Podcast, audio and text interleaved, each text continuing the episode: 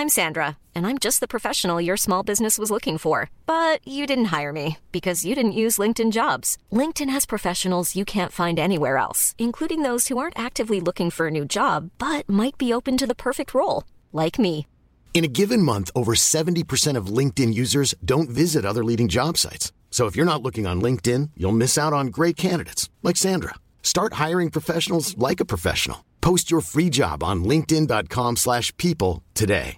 Quality sleep is essential. That's why the Sleep Number Smart Bed is designed for your ever evolving sleep needs. Need a bed that's firmer or softer on either side? Helps you sleep at a comfortable temperature? Sleep Number Smart Beds let you individualize your comfort so you sleep better together. JD Power ranks Sleep Number number 1 in customer satisfaction with mattresses purchased in-store. And now save 40% on the Sleep Number limited edition Smart Bed for a limited time. For JD Power 2023 award information, visit jdpower.com/awards. Only at Sleep Number stores or sleepnumber.com. Planning for your next trip? Elevate your travel style with Quince. Quince has all the jet-setting essentials you'll want for your next getaway, like European linen, premium luggage options, buttery soft Italian leather bags, and so much more. And it's all priced at 50 to 80% less than similar brands. Plus, Quince only works with factories that use safe and ethical manufacturing practices. Pack your bags with high-quality essentials you'll be wearing for vacations to come with Quince. Go to quince.com/trip for free shipping and 365-day returns. Hur mycket kan vi koncentrera oss egentligen om det aldrig är tyst omkring oss?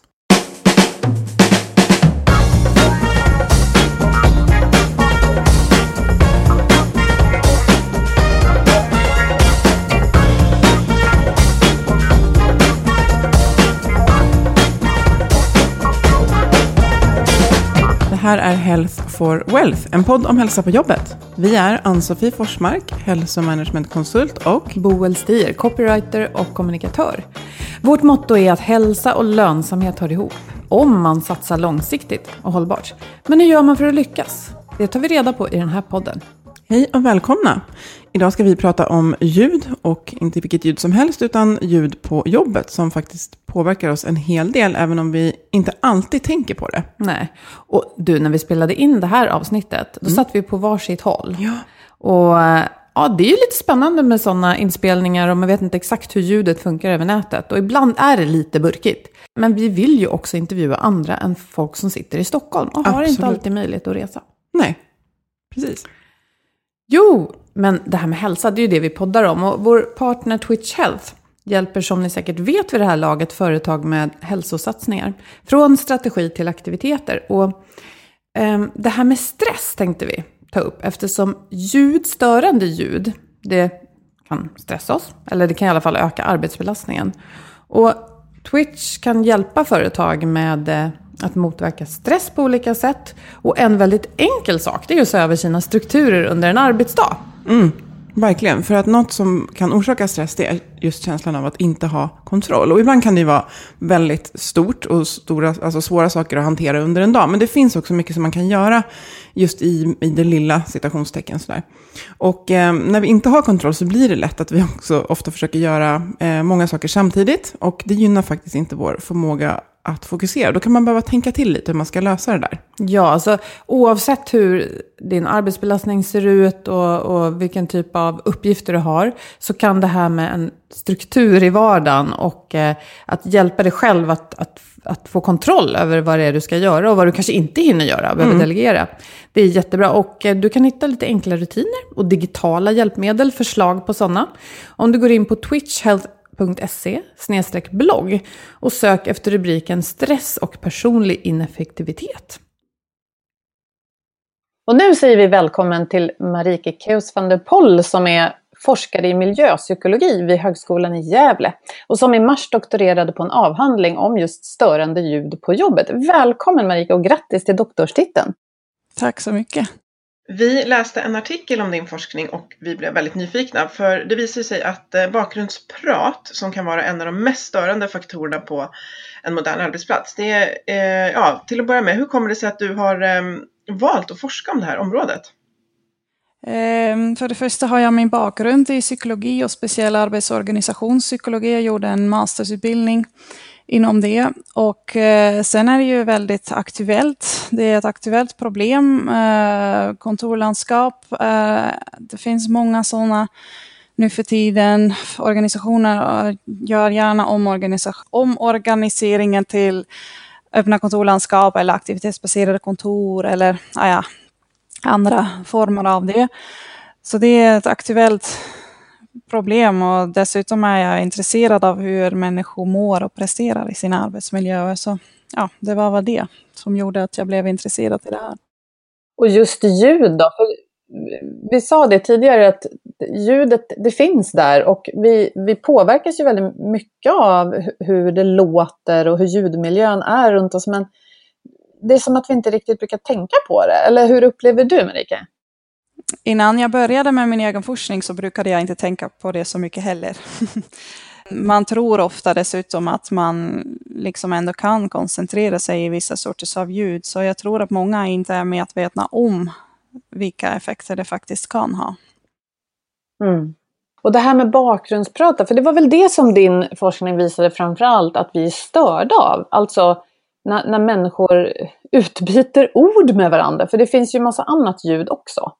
Mm, precis, det är när människor står och pratar med varandra och när vi kan uppfatta vad de säger. Det är då att det börjar störa.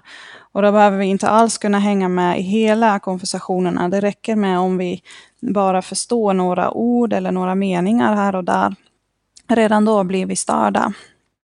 Är det att hjärnans eh, uppmärksamhet styrs iväg då? Att vi liksom rycks från vår uppgift? Ja, vi har två olika mm, förklaringsmodeller och den, är, den ena är att det är liksom någonting i bakgrundsljudet och det, mm, det kan vara vad som helst och i det här fallet så är det då något, att man hör någonting intressant eller relevant och någonting avvikande eller något sånt som eh, drar uppmärksamheten från skrivtexten eller skrivuppgiften till bakgrundsljudet. Eh, och den förklaringsmodellen kan man använda i många andra situationer också. Det kan också vara när man kör bil och det är någon som tutar, liksom, då blir man också då, då blir man också uppmärksam på ljudet och då vet man liksom att ah, men nu är det någon som vill komma förbi eller som vill något. Uh, så det är lite mer allmän förklaringsmodell. Den andra förklaringsmodellen det är att um, uh, ljudet som kommer in i hjärnan det blir automatiskt analyserat. Vi kan liksom inte blunda för ljud. När man inte vill se någonting så kan man blunda ögonen, men det går inte med ljud. Vi kan inte bara stänga av det. Så ljudet kommer in i hjärnan i alla fall och hjärnan börjar analysera det ljudet och äh, använder vissa processer för att bearbeta språkljuden. Och de processer som vi använder för att analysera språket i bakgrundspratet, de krockar med liknande processer som vi behöver för att kunna skriva. Just det, för du, i din forskning så har du undersökt hur man reagerar på bakgrundsprat när man just skriver som uppgift, eller hur? Precis, ja, precis. Mm. Och det finns ju naturligtvis andra uppgifter. Jag tänker om man står um, i en kassa någonstans, då, då är det ju prat runt om en hela dagarna med kunder och mellan kunder och sådär. Men nu är det just det här att skriva som du har koncentrerat dig på. Det är ju något som verkligen då kräver en viss typ av språklig fokus antar jag. Ja, precis. Det är en språkrelaterad uppgift, så det kräver ja, semantiska processer kallar vi det för. Det är liksom talrelaterade processer krävs det för att kunna skriva och det är just därför att det är just prat som är så störande eftersom det är liknande processer som krockar med varandra kan man säga där att eh, eh, vi kan inte hindra hjärnan från att försöka förstå prat som kommer in och samtidigt så är det, det, det är både alltså ta in information och samtidigt föra ut information, vilket är vad vi gör när vi skriver. Att det är, det är liksom samma system som ska jobba och då kan vi inte både ta in och producera samtidigt. Är det, är det en, en förenkling av det du beskriver? Ja, det är nog, ja, eh, det är processer inom samma system liksom. Som, som, ja precis, som krockar med varandra. Så kanske man skulle kunna säga. Mm. om jag förstår det rätt så, så är det lite så att om jag sitter i, jag, jag pratar svenska och, och det pratas svenska runt mig så hjärnan vill ju förstå det som pratas. Men om det skulle vara ett språk som jag inte förstår, då skulle det, och det var kanske så här, lite harmoniska tongångar, så skulle det få en helt annan effekt på, på mig när jag sitter och försöker skriva någonting. Men det är just att vi kan inte hindra hjärnan från att, vi kan inte blunda med öronen utan vi, vi är på något sätt programmerade att försöka förstå och begripa det som, som sägs omkring oss. Och självklart i, i, en, i en kontorslandskap där det är, eh, där det är öppet så, så nås vi ju av väldigt mycket eh, prat om det pratas och dessutom så är det ju ganska stor sannolikhet gissar jag, för jag tänker på det här man brukar säga att man sitter på ett café, att just den typen av ljud, men då är det ju människor där som inte nödvändigtvis har en relation till mig. Men är jag på min arbetsplats, då har jag gissningsvis en relation till människorna omkring mig och då är det ju ännu mer sannolikt att jag tenderar att vilja höra vad det är de säger, även om jag tänker att nej, nu ska jag koncentrera mig på mitt, på mitt skrivande där. Mm. Mm. Det är mycket möjligt att det är så. Um, jag tror fortfarande att man kan bli störd på kaféer också, bara om man kan, ta, kan förstå vad de säger. Men ja, absolut, man blir nog lättare distraherad när man dessutom känner personen och uh, om de pratar om uh, relaterade uh, ämnen som är relaterade till ens eget jobb. Det tror jag absolut. Mm. Jag tänker på det här med att skriva också, att även om inte alla nu jobbar direkt med att skriva, jag menar jag är copywriter så det är ju verkligen någonting jag jobbar med. Men eh, så som vi väldigt många arbetar idag så vi meddelar ju oss med varandra i skrift mycket. Och vi behöver summera sammanhang, vi behöver bjuda in, vi behöver dela med oss av information till varandra och det gör vi ju väldigt mycket i skrift. Så jag tänker att det är ju liksom relevant för många det här med uppgiften skriva och hur det krockar med bakgrundsprat ändå. Jo, men det tror jag absolut att det är. Och det är inte relevant bara i kontorslandskap och, och, och arbetsmiljöer. Det kan även vara relevant på an, i andra miljöer. Man jobbar ju lite överallt nu för tiden. Man jobbar, kan man jobba på tåg eller på flygplatser när man sitter och väntar eller eh, på bibliotek eller skolor. Det är alla miljöer som liksom är öppna och där folk kan sitta och jobba som det är relevant för. Liksom. Men hur ska man tänka som arbetsgivare? För ja, det som du säger, det är ju, det är ju rätt populärt med öppna kontorslandskap. Mm. Jag skulle säga att det är viktigt att det i alla fall finns tysta utrymmen. Tysta rum eller tysta zoner eller att man har regler om hur man beter sig inom vissa områden på arbetsplatsen. Att man säger att ja, men vill man sitta här, ja men okej, okay, men då får man vara tyst. Liksom. Och behöver man föra något samtal via telefon eller med någon annan, då får man gå därifrån eller något sånt. Um, och, och, som sagt, att man har tillräckligt många tysta rum så att man har möjlighet att gå därifrån och sätta sig i ett tyst rum när man verkligen behöver kunna koncentrera sig i lugn och ro och inte kan bli störd. Eller tvärtom, att när man behöver föra ett samtal, att man kan gå in i ett tyst rum så att man inte stör de andra. Man kan ju använda dem på två sätt. Ja, precis. Det kan, ju, precis. det kan ju vara att normen är att i landskapet ska det vara tyst och ska det pratas så går man iväg eller tvärtom. Men jag tänker att jag, jag tror att man kan behöva mm, informera människor om lite så här, man behöver lite mer kunskap för att man upptäcker ju säkert det här om man reflekterar över att ja, men det stämmer, jag kunde inte riktigt koncentrera mig.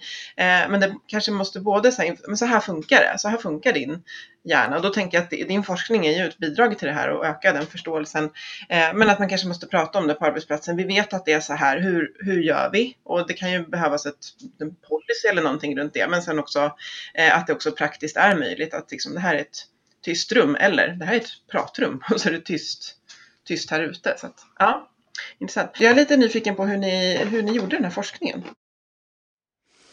Um, det var experiment i vårt labb och det innebär att um, för, för, vad heter det, deltagarna de satt vid en dator. De hade hörlurar på sig och så fick de skriva olika berättelser utifrån olika nyckelord som kom upp på skärmen. Och det kunde vara ord om eh, olika naturscener, till exempel om hav eller fält eller skog.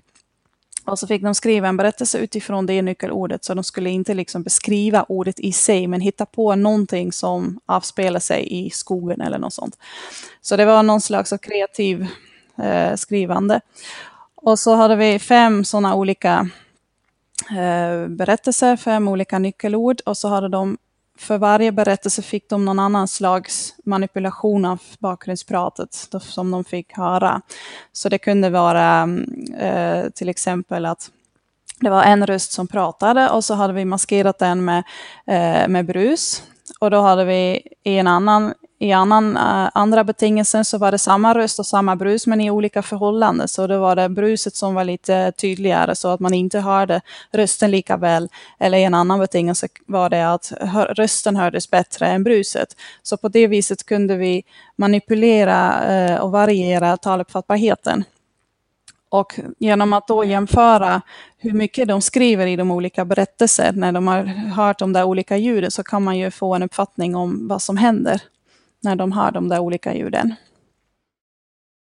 Var det, var det, fanns det vissa situationer när ljudet var helt ostörande? Det var när taluppfattbarheten var så pass låg att man inte kan förstå någonting alls. Så det är antingen eh, när det bara är brus, eller när det är väldigt många personer som pratar samtidigt så att det blir ett stort babbel, liksom, där man inte kan hänga med alls. I de fall så var, det, var prestationen lika jämfört med tystnad.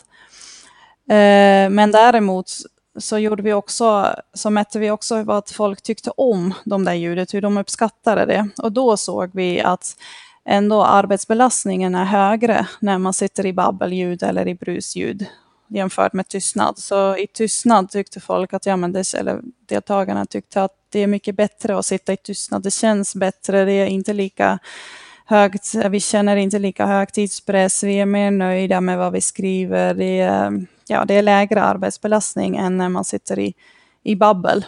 Så det är ändå viktigt att man ser det, att man, att man är medveten om det, att om, även om prestationen kan vara lika bra som i tystnad så är det ändå någonting som vi inte uppskattar och på längden kan det ju ha sina effekter också, eller sina konsekvenser. Ja, det är bra för arbetsgivare att känna till att det här med, med ljud är någonting som på någon slags låg nivå ändå bidrar till stress. Mm. Eller, ja, vi har inte precis mätt stress då, men jag tror att det kan få konsekvenser i alla fall. Vi har mätt arbetsbelastningen och det är bra, du, du, är forskare så du, du, är noga med att det ska stämma. Det är bra när vi far iväg i, formuleringarna. Ja, det är en faktor att, att, ta, att ta hänsyn till som man måste förstå att det här är vad går vår liksom, energi åt till under dagen så är det här ingenting som, som man kan liksom peka på direkt men det pågår i bakgrunden och man behöver ha med det och ha det i åtanke när man, när man tittar över arbetsmiljö och hur folk mår på, Eh, mår på jobbet. För att jag tänker att det finns ju en bullerapp till exempel som man kan ladda ner från Arbetsmiljöverket. Men jag antar att det här kommer liksom inte att slå, den här typen av ljud kommer inte larma på den, men det, det pågår ändå i bakgrunden. Och påverkar. Mm. Ja, och det, det, det är så komplicerat det där, för man skulle ju helst ha en helt tyst arbetsplats, men det går i många fall inte att, att, att uppnå. Det är omöjligt, för det är alltid någonting som, som ger ljud, liksom, som skapar ljud. Och även om det skulle vara tyst under vissa stunder, så snart som det är någon som börjar prata så kan alla höra det, om det för övrigt är tyst.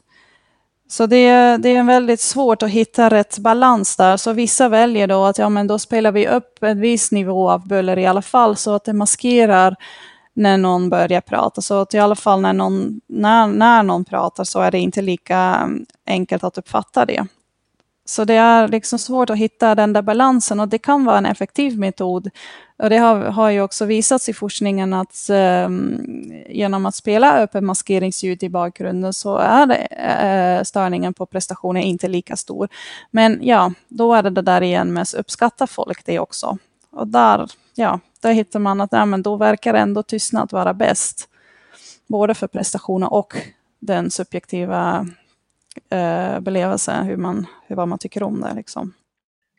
Jag kommer att tänka på hur vi har det där jag jobbar, att ofta är det någon som sätter på lite musik i bakgrunden. Um, och nu har inte du forskat om det här Marika, men det skulle ändå vara kul att höra vad du tror. För om, om jag gissar då, jag kan tycka att jag i alla fall inbillar mig att det kan vara lite skönt med den här musiken om jag tycker den är bra. Men om jag, tycker, om jag inte tycker om musiken, då är det vansinnigt störande. Eh, och sen kan det också leda min uppmärksamhet åt annat håll. Om det är väldigt, väldigt bra musik, ja, men då åker jag iväg i den upplevelsen. Liksom. Så det är kanske svårt att hitta det här ljudet som passar alla.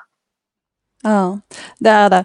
Och um, just när det gäller musik är det väldigt svårt att säga någonting generellt, just precis av det du säger. Det är så olika vad folk gillar för musik och vad man gör när man lyssnar på musik. Uh, men den forskningen som har gjorts visar ändå att ja, men musik, speciell vokalmusik, så när det är någon som sjunger, är lika störande som prat. För att man även då kan förstå vad som sjungs. Så helst instrumental musik egentligen? Så även på eh, när de sjunger på engelska och på svenska, för de flesta av oss kan ju lite engelska i alla fall, så man förstår ändå lite grann. Uh, och instrumentell musik, det kan vara lite bättre än vokalmusik, men det finns fortfarande mycket som kan störa i det också. Så när det gäller de där teorierna vi har och gäller forskning som har gjorts så, så, så säger vi att ja, men musik stör även, eh, eller kanske lika mycket som bakgrundspratet. Men det som vi tror, det har vi inte forskat om, men det som vi tror är att musik, det kan fungera för att liksom hjälpa folk att komma igång som någon slags motivationsfaktor. Är det väldigt, har man, om man inte ser fram emot att, att, att göra någonting, om man, liksom, man måste ändå, då kan det vara bra om man har någonting som i alla fall hjälper en att komma igång. Så om man då har något trevligt som att lyssna på musik, då kan det i alla fall vara någon tröskel, liksom att okej, okay, men nu, nu har jag lite trevlig musik, då blir det enklare att komma igång. Så det är lite, ja, på, på olika sätt kan man säga att jo, det, det stör prestationen, men det kan ändå hjälpa en att komma igång och då kan det ju jämna ut sig, eller jag vet inte om det kan jämna ut sig, men i alla fall det kan kompensera lite grann för prestationsförlusten kanske. Jag kan tänka men att som det är sagt, lite... det är ingenting det är som sagt ingenting som vi har forskat, det är bara ett resonemang som vi har. Jag kan tänka att det kan vara lite en, en, en signal, bara på ett personligt plan, så för mig att sätta på, eh, och det finns ju spellistor man kan, som är liksom färdiga, det heter liksom for studying eller någonting. Och, och att, att, koppla på, det, blir, det är också en signal till mig att nu ska jag koncentrera mig. Och det eh, ja, men lite så här Pavlovs hund, att liksom, min hjärna vet att jaha, men klassisk musik betyder att jag ska fokusera, ja en betingning precis, att jag ska, jag ska fokusera på det nu. Så som du säger, det kan, eh, men sen kan själva ljudet, det, det vet man ju själv om man bara slår på klassisk musik som man inte vet hur det kommer låta. Så ibland så är ju den så, bara för att de inte sjunger så är den fortfarande så, den tar över, den tar uppmärksamhet för att den är så dynamisk och, och sådär. Eh, men det finns ju det, det här som kallas för eh, alltså maskeringsljud. Eh, och, och, och, ja, vad, vad skulle det kunna liksom vara för typ av ljud? Eh, det som används nu för tiden oftast är brusljud, så bara sådär ljud, inte så högt, men det är ändå det som används. Och där har vi sett att det är inte det ljudet som uppskattas mest, så vi har försökt att hitta något ljud som passar bättre. Och då jämförde vi ljud av havets vågor, ljud av eh, människor som pratar samtidigt, så babbel. Och så jämförde vi det med eh, brusljud och när bara en person pratar utan någon maskering alls. Och då såg vi att det var ändå babbelljudet som var allra mest Eh, effektiv och uppskattat, mest uppskattat. Fast det var väldigt lite skillnad mellan havets vågor, men det var ändå eh, babbelljudet som var ja, liksom vinnaren i den studien i alla fall. Så det skulle kunna säga att ja, men babbelljud är i alla fall bättre än brusljud. Det, det låter ologiskt, men, eller för mig, eh, alltså det, jag tänker så här, brusande vågor är väldigt jämnt ljud, men det, det var alltså inte mer populärt. Nej. Men det är liksom att man sitter och lyssnar på ja. hela tiden oavbrutet liksom. Det kanske inte är så trevligt i alla fall. Fast det brukar inte vara så höga nivåer, men ändå.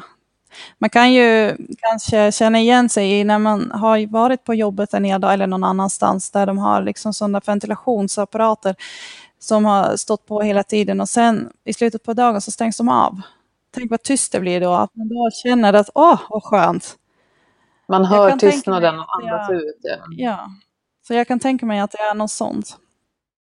Ja, precis. Ja, ja nej, nej, det är klart att det där bara lite så här parentes, jag lyssnade på ett annat program häromdagen och då pratade man om att man hade spelat in hur de olika planeterna låter. Eh, så här, Jupiter lät på visst sätt och det var lite åt det här brusande, lite så här vågor. Jag tänkte så här, om man säger så här, nu, nu, nu lyssnar vi på Jupiter här en timme på jobbet. kanske, det, kanske det låter trevligt och nu tar vi Saturnus på eftermiddagen. ja men det var så häftigt, det var liksom bakgrundsljudet i, i universum är nämligen lite så. Ja. Coolt. Och då sen, sen när du hör någon märklig röst där, det är, ja. då gäller det att lyssna för då är det någon då som vill ta kontakt. ja, men jag tänker just att hur man, hur man eh, vad heter det på svenska, men hur man liksom märker saker så, så, så får det så här, det låter mer attraktivt. Mm. Att, nu sätter vi på brus, nej, vi lyssnar på en planet.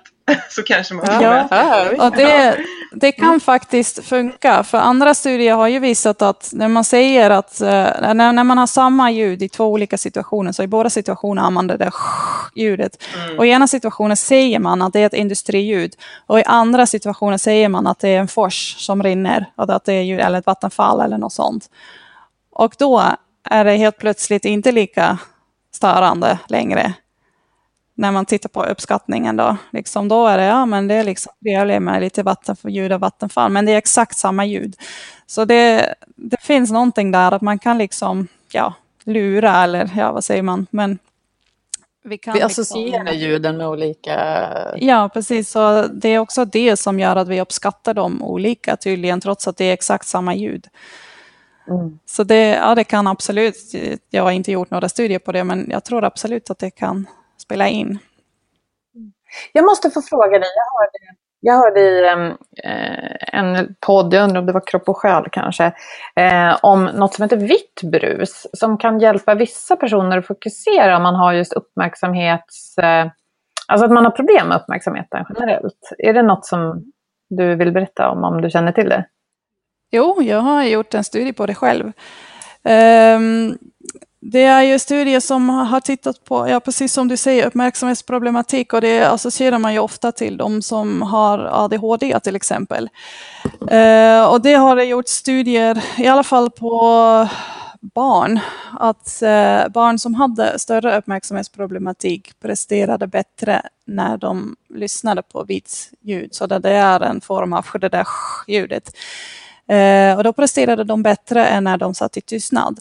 Och vi tänkte då att ja, men det där är ju relevant även på arbetsplatser, för även vuxna kan ha uppmärksamhetsproblematik. De behöver inte ens ha ADHD, men kan, man är ju olika i hur lätt man har att fokusera. Så, så även vuxna kan ha uppmärksamhetsproblematik mer eller mindre. Och därför gör det relevant på arbetsplatser också och titta på hur vi påverkas av ljud eh, ja, när vi är så där olika med uppmärksamheten.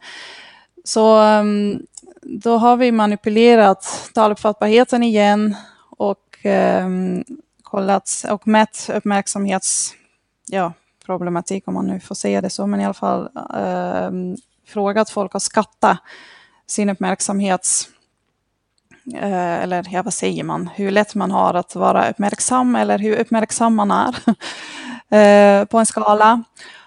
Och så såg vi faktiskt, fast det är inte jättestarka slutsatser som vi kan dra, för det är bara en första studie som har gjorts på det här inom just skrivande, men det verkade så i alla fall att de som eh, hade lite mera uppmärksamhetsproblematik, att de blev hjälpta av, av det babbelljudet som är lågt alfabetet.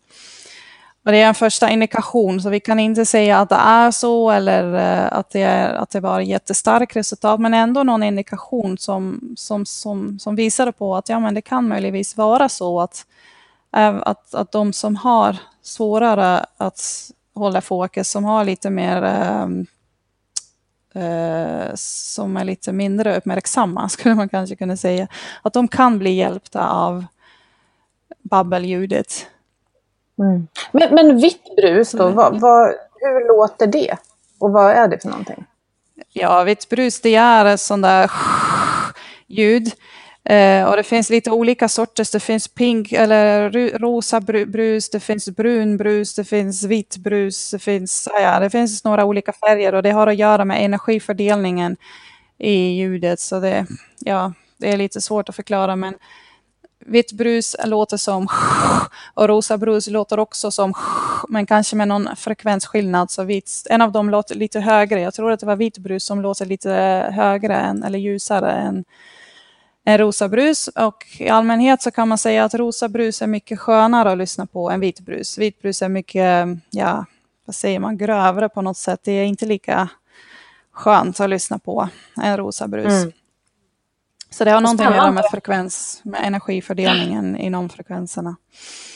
Jag googlade lite på det här på, på vägen hit idag och då eh, klickade jag på, först var det en väldigt vacker sång som hette Vitt brus, den var jättetrevlig. Och sen hamnade jag faktiskt på ett stycke som var Vitt brus. Och jag, jag, jag kan inte säga att jag lyssnade jättelänge men å andra sidan så var jag på tunnelbanan och liksom var inte i work mode, att jag skulle fokusera på att skriva någonting. Jag kanske ska testa, testa det. Men, men rätt in i öronen med hörlurarna så, så var det ingen harmonisk upplevelse. Men jag läste också att det just användes för eh, ja, men till exempel det stod något om att ja, men hjälper spädbarn att somna och jag tänkte ja, det, det, kanske, det kanske kan vara värt att testa för någon som har testat allt.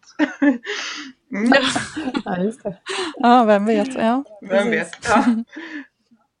Men jag tänker så här om, om vi summerar lite då, så det är ju tydligt att vi, vi är påverkade av ljudet runt om oss eh, mer än vad vi kanske tar hänsyn till och pratar om idag. Och jag tänker så här, vi ser ju inte direkt att man i kontorsmiljöer är tillbaka, eh, att, att det går tillbaka mot att man har privata rum riktigt. Eh, och då behöver vi, som, ta, vi behöver ta hänsyn till det för att vi ska vara produktiva och må bra. Och vad skulle du säga Marike, vad ska en arbetsgivare tänka på och vad kan kollegor göra för varandra för att hjälpa varandra eh, att, eh, att kunna fokusera? Ja, men det är väl lite det som vi var inne på tidigare, att arbetsgivaren är mån om att alla får veta om, får ta del av den här informationen eh, om hur vi, blir, hur vi kan bli påverkade och sen att se till att det finns tillräckligt med tysta rum och tysta zoner och att man har tydliga regler och att man också ser, ser till att de följs upp, att alla håller sig till de här reglerna och att man gör sådana där follow-ups, att man frågar personalen att ja, man tycker ni att vi lever upp till de här reglerna? Behöver vi skärpa till oss eller ändra eller ja, lite så. Um, och att man själv också kan köra tydligt mot sina kollegor att ja men hörni, jag måste göra det här idag, jag kan inte bli störd, så snälla var tyst nu. Liksom. Um, och om man har möjlighet att man går till ett sånt där tyst rum också, de ska ju vara lättillgängliga också, de ska inte ligga på andra sidan av byggnaden så att det tar fem minuter att gå dit. Det ska, de ska ju vara enkelt tillgängliga så att folk, liksom, att det är enkelt att ta sig till det, så att man verkligen gör det. Så att det inte ska bli en ytterligare en tröskel. Eh, och så ska det vara tillräckligt många också så att de inte är upptagna hela tiden men att det verkligen finns. Mm. Jag tror att det är sånt kanske, man måste göra. Och kanske att man kan ha möjlighet att jobba hemma om arbetet tillåter det just när man behöver fokusera som mest kan väl också hjälpa antar jag? Ja, det kan ju, jag kan ju fungera, men jag tycker ändå att man ska se upp med det, att man inte ska utgå ifrån att ah, men folk kan jobba hemma, för det är ju en social aspekt i det här också. Om man känner att man är tvungen att gå hem och jobba hemifrån så kan det ju bli att man känner sig isolerad också, att man inte får träffa sina kollegor lika, lika ofta som man skulle vilja. Och då är det ju sånt som ska spela in också. Så visst, man kan göra det någon gång då och då om man själv känner att nej men idag vill jag jobba hemifrån och det känns bättre och jag mår bra av det. Då är det ju ingen fara. Men jag tycker inte att man ska ha som regel att nej men ni kan väl jobba hemifrån för då kan ni ha det som ni vill. För då är det ju mycket annat som spelar in också. Som det där med det är, inte en, det är inte en anledning att låta bli att ta tag i ljudproblemet. Nej, precis. Det är inte en lösning av, av bullerproblemet liksom tycker jag. det, blir, det blir lite tokigt om man tänker på ett större perspektiv att nej, men på, på kontoret kan man inte vara om man ska koncentrera sig utan då måste man ju, okej okay, vi har andra arbetsuppgifter nu för tiden, många så, utan man kan inte generalisera men och då måste vi skapa förutsättningar och jag tänker just att man kanske inte vill skriva en, en policy men bara att man lyfter att man har det här på, på agendan och prata om det gör ju att det kan vara lättare för någon och som, som du gav exempel på att man får säga så här, jag, jag måste koncentrera mig jättenoga nu eh, och, och att skapa förutsättningar förutsättningar och alla förstår, okej okay, nu går han eller hon iväg och sätter sig där eller har satt på sig, det finns ju sådana här hörlurar som stänger ute ljudet till exempel och då vet man att det här inte får vara oart utan det är för att jag vill få någonting gjort och, och jag har svårt att låta bli att lyssna på er intressanta diskussion. Eh, sådär. Så att, att ha det på agendan eh, lite mer som, som en faktiskt ganska avgörande del för hur vi mår och presterar på jobbet. Det känns ju ganska naturligt utifrån alltså både din forskning och sen tror jag också bara rent så empiriskt vad folk har upplevt. Att man känner själv att ibland är det jättesvårt att, att koncentrera sig och vi behöver ha fokus på det. Mm. Ja, precis. Det har ju gjorts studier på det, vad, folk, vad som folk tycker är den mest störande faktor på jobbet och det är ju ljudet. Och det är människor som pratar med varandra och telefoner som ringer. Det är de ljud som folk tycker är mest störande och så är ju inte mina studier de första som studerar det närmare. Det har gjorts flera studier på det också. Det som är lite mer unikt med mina studier är att just det fokuserar på skrivande, men det har ju gjorts studier på andra uppgifter också, så ja, det finns ju mycket empiri om det. Ja, vad intressant. Tack så hemskt mycket för att du ville vara med idag, Marike. Ja, men och idag ja, sitter vi absolut. faktiskt... Var kul. Mm. Ja, jag ska bara nämna det. Det kanske ni som lyssnar hör, men vi sitter faktiskt på tre olika ställen idag och spelar in över webben. Och då hoppas, eftersom vi pratar om ljud så hoppas vi att det låter bra i era lurar också. Vi anstränger oss i alla fall för att det ska göra det, eftersom ljud spelar roll. Och vi tar med oss det att vi ska, vara, vi ska respektera varandras eh, Eh, ljudmiljö helt enkelt. Och eh, ja, prata med varandra om vad vi behöver för att kunna fokusera och, och jobba bra. Mm, mm. absolut. Tack så jättemycket. Ja, tack. Och vi tackar som vanligt för oss och hoppas att ni vill eh, prata med oss. Gärna lyft det här. Är det någon som har gjort någonting eh, rörande ljudnivån på jobbet som har hjälpt eller någonting, något, något hemskt exempel så får ni gärna dela det också. Berätta för oss och prata med oss på Facebook, på LinkedIn och på hemsidan healthforwealth.se. Och vi tackar också våra samarbetspartners Skandia och Twitch Health och förstås Agda Media för den här produktionen. Dela gärna våra avsnitt i sociala medier och skriv gärna en kommentar så hjälper oss att nå ännu fler lyssnare. Ta hand om varandra och ha det fint. Hej då! Hej då! Hej då!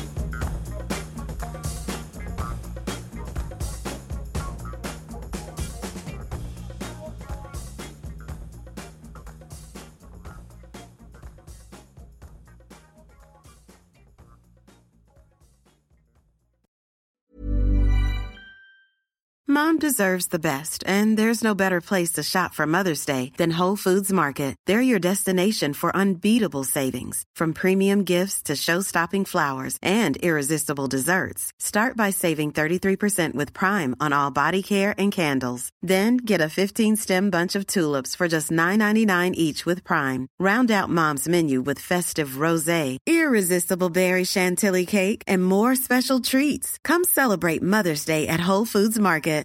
Flexibility is great. That's why there's yoga. Flexibility for your insurance coverage is great too. That's why there's United Healthcare Insurance Plans.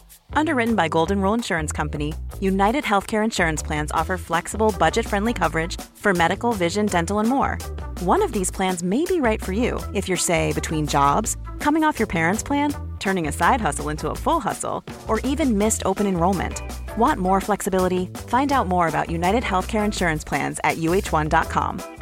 Imagine the softest sheets you've ever felt. Now imagine them getting even softer over time. That's what you'll feel with Bowl and Branch's organic cotton sheets. In a recent customer survey, 96% replied that Bowl and Branch sheets get softer with every wash. Start getting your best night's sleep in these sheets that get softer and softer for years to come. Try their sheets with a 30-night guarantee. Plus, get 15% off your first order at bowlandbranch.com. Code BUTTERY. Exclusions apply. See site for details.